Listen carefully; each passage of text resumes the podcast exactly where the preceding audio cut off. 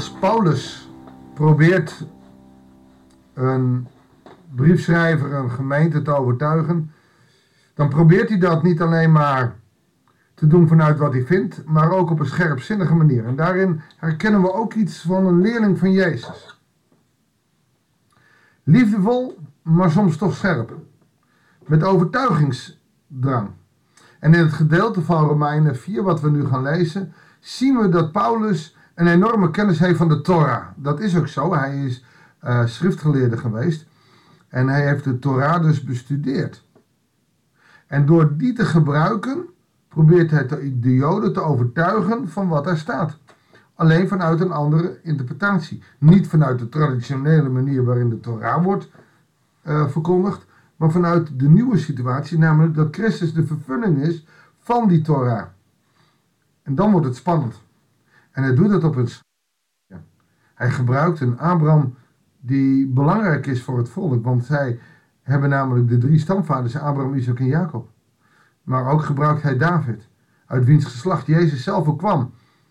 En die voor Israël een ongelooflijk belangrijke koning was.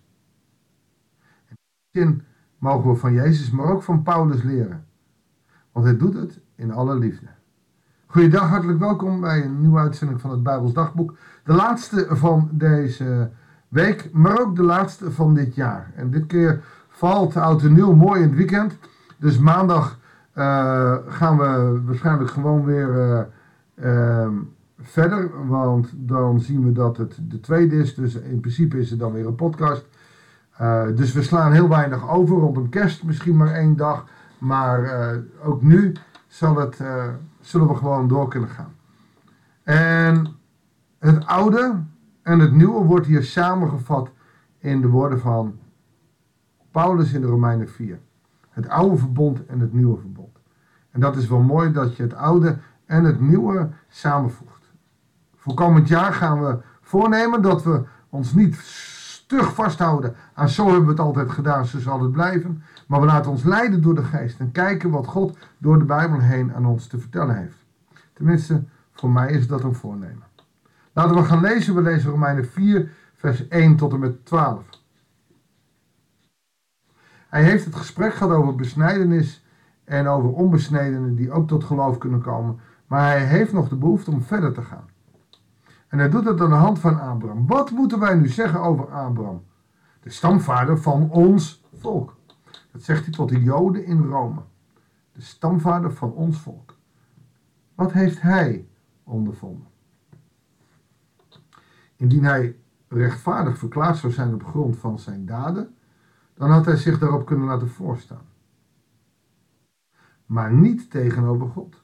Want wat zegt de schrift? Abraham vertrouwde op God en dat werd hem als rechtvaardigheid toegerekend. Iemand die werkt krijgt zijn loon niet als gunst, maar als recht.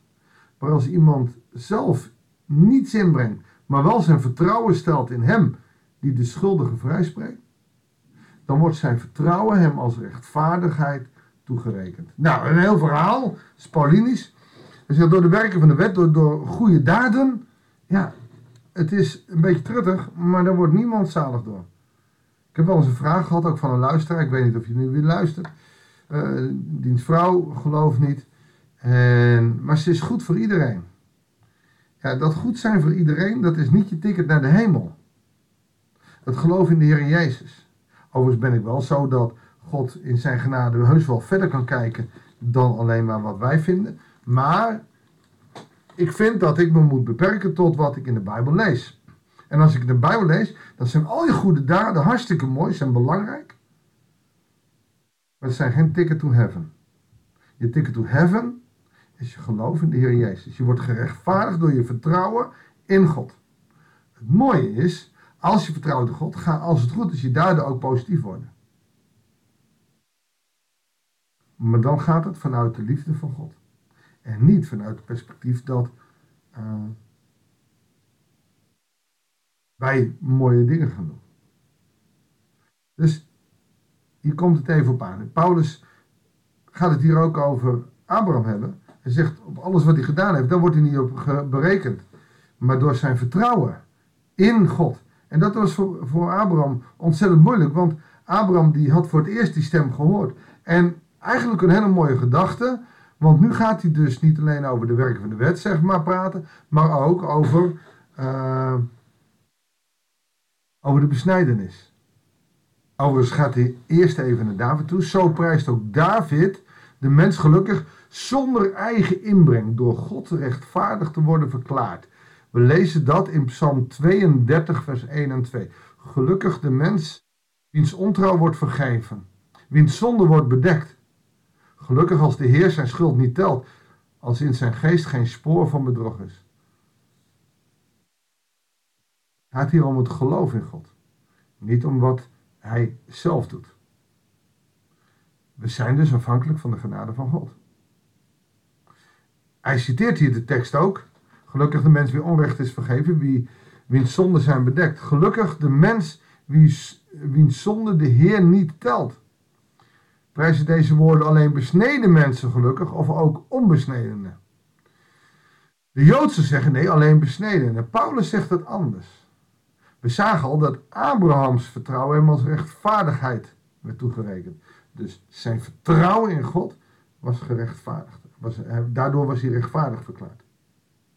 Maar in welke omstandigheden gebeurde dat? Was hij toen besneden of onbesneden? Onbesneden. Abraham is in die zin als kind niet besneden, want hij is de eerste die geroepen is. En pas later wordt de besnijdenis ingediend. En op latere leeftijd is hij pas besneden. Ouch. Maar dat betekent dus dat Abraham door zijn vertrouwen en geloof in God gerechtvaardigd is als onbesneden. En dit is voor de Joden heel belangrijk. Wij denken, oh, wat een gezeur, wat een geneuzel. Dit was voor de Joden ontzettend belangrijk. Hij pakt hier de Torah en zegt, moet eens kijken, we lezen in de Torah over Abraham. Die was onbesneden en die wordt door God rechtvaardig verklaard. Dat betekent dus dat je rechtvaardigheid niet ligt in de besnijdenis. Niet ligt in het wettische van het moeten besneden worden. Maar dus ook niet, Nieuw Testament is in de doop. Jezus zegt wel, ga en heen, maakt alle volken tot, tot mijn discipelen. En doopt hen in de naam van de Vader, de Zoon en de Heilige Geest. Die opdracht is belangrijk. Maar ongedoopte, of niet volwassen gedoopte, worden niet beperkt om naar de hemel te gaan. Nee, iedereen die in Jezus gelooft, komt in de hemel. Of hij nou gedoopt is of niet, of hij nou besneden is of niet, of hij nou uh, bruin is of wit, of hij nou vluchteling is of autochtoon, of het doet er niet toe. Ticket to heaven is in Christus.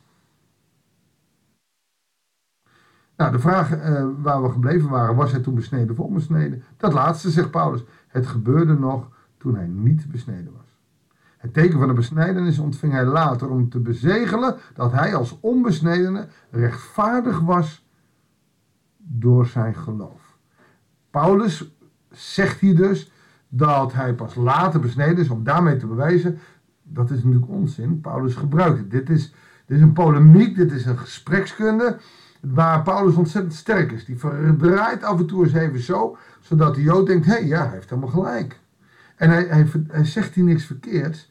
Maar de vraag is natuurlijk of Abraham pas later besneden is, omdat hij van tevoren al wist dat hij uh, behouden zou worden.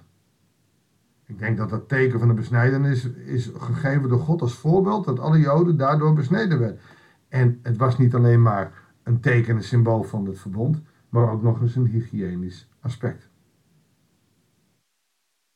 Zo werd hij de vader van alle onbesnedenen die geloven, opdat ook zij als rechtvaardigen aangenomen zullen worden.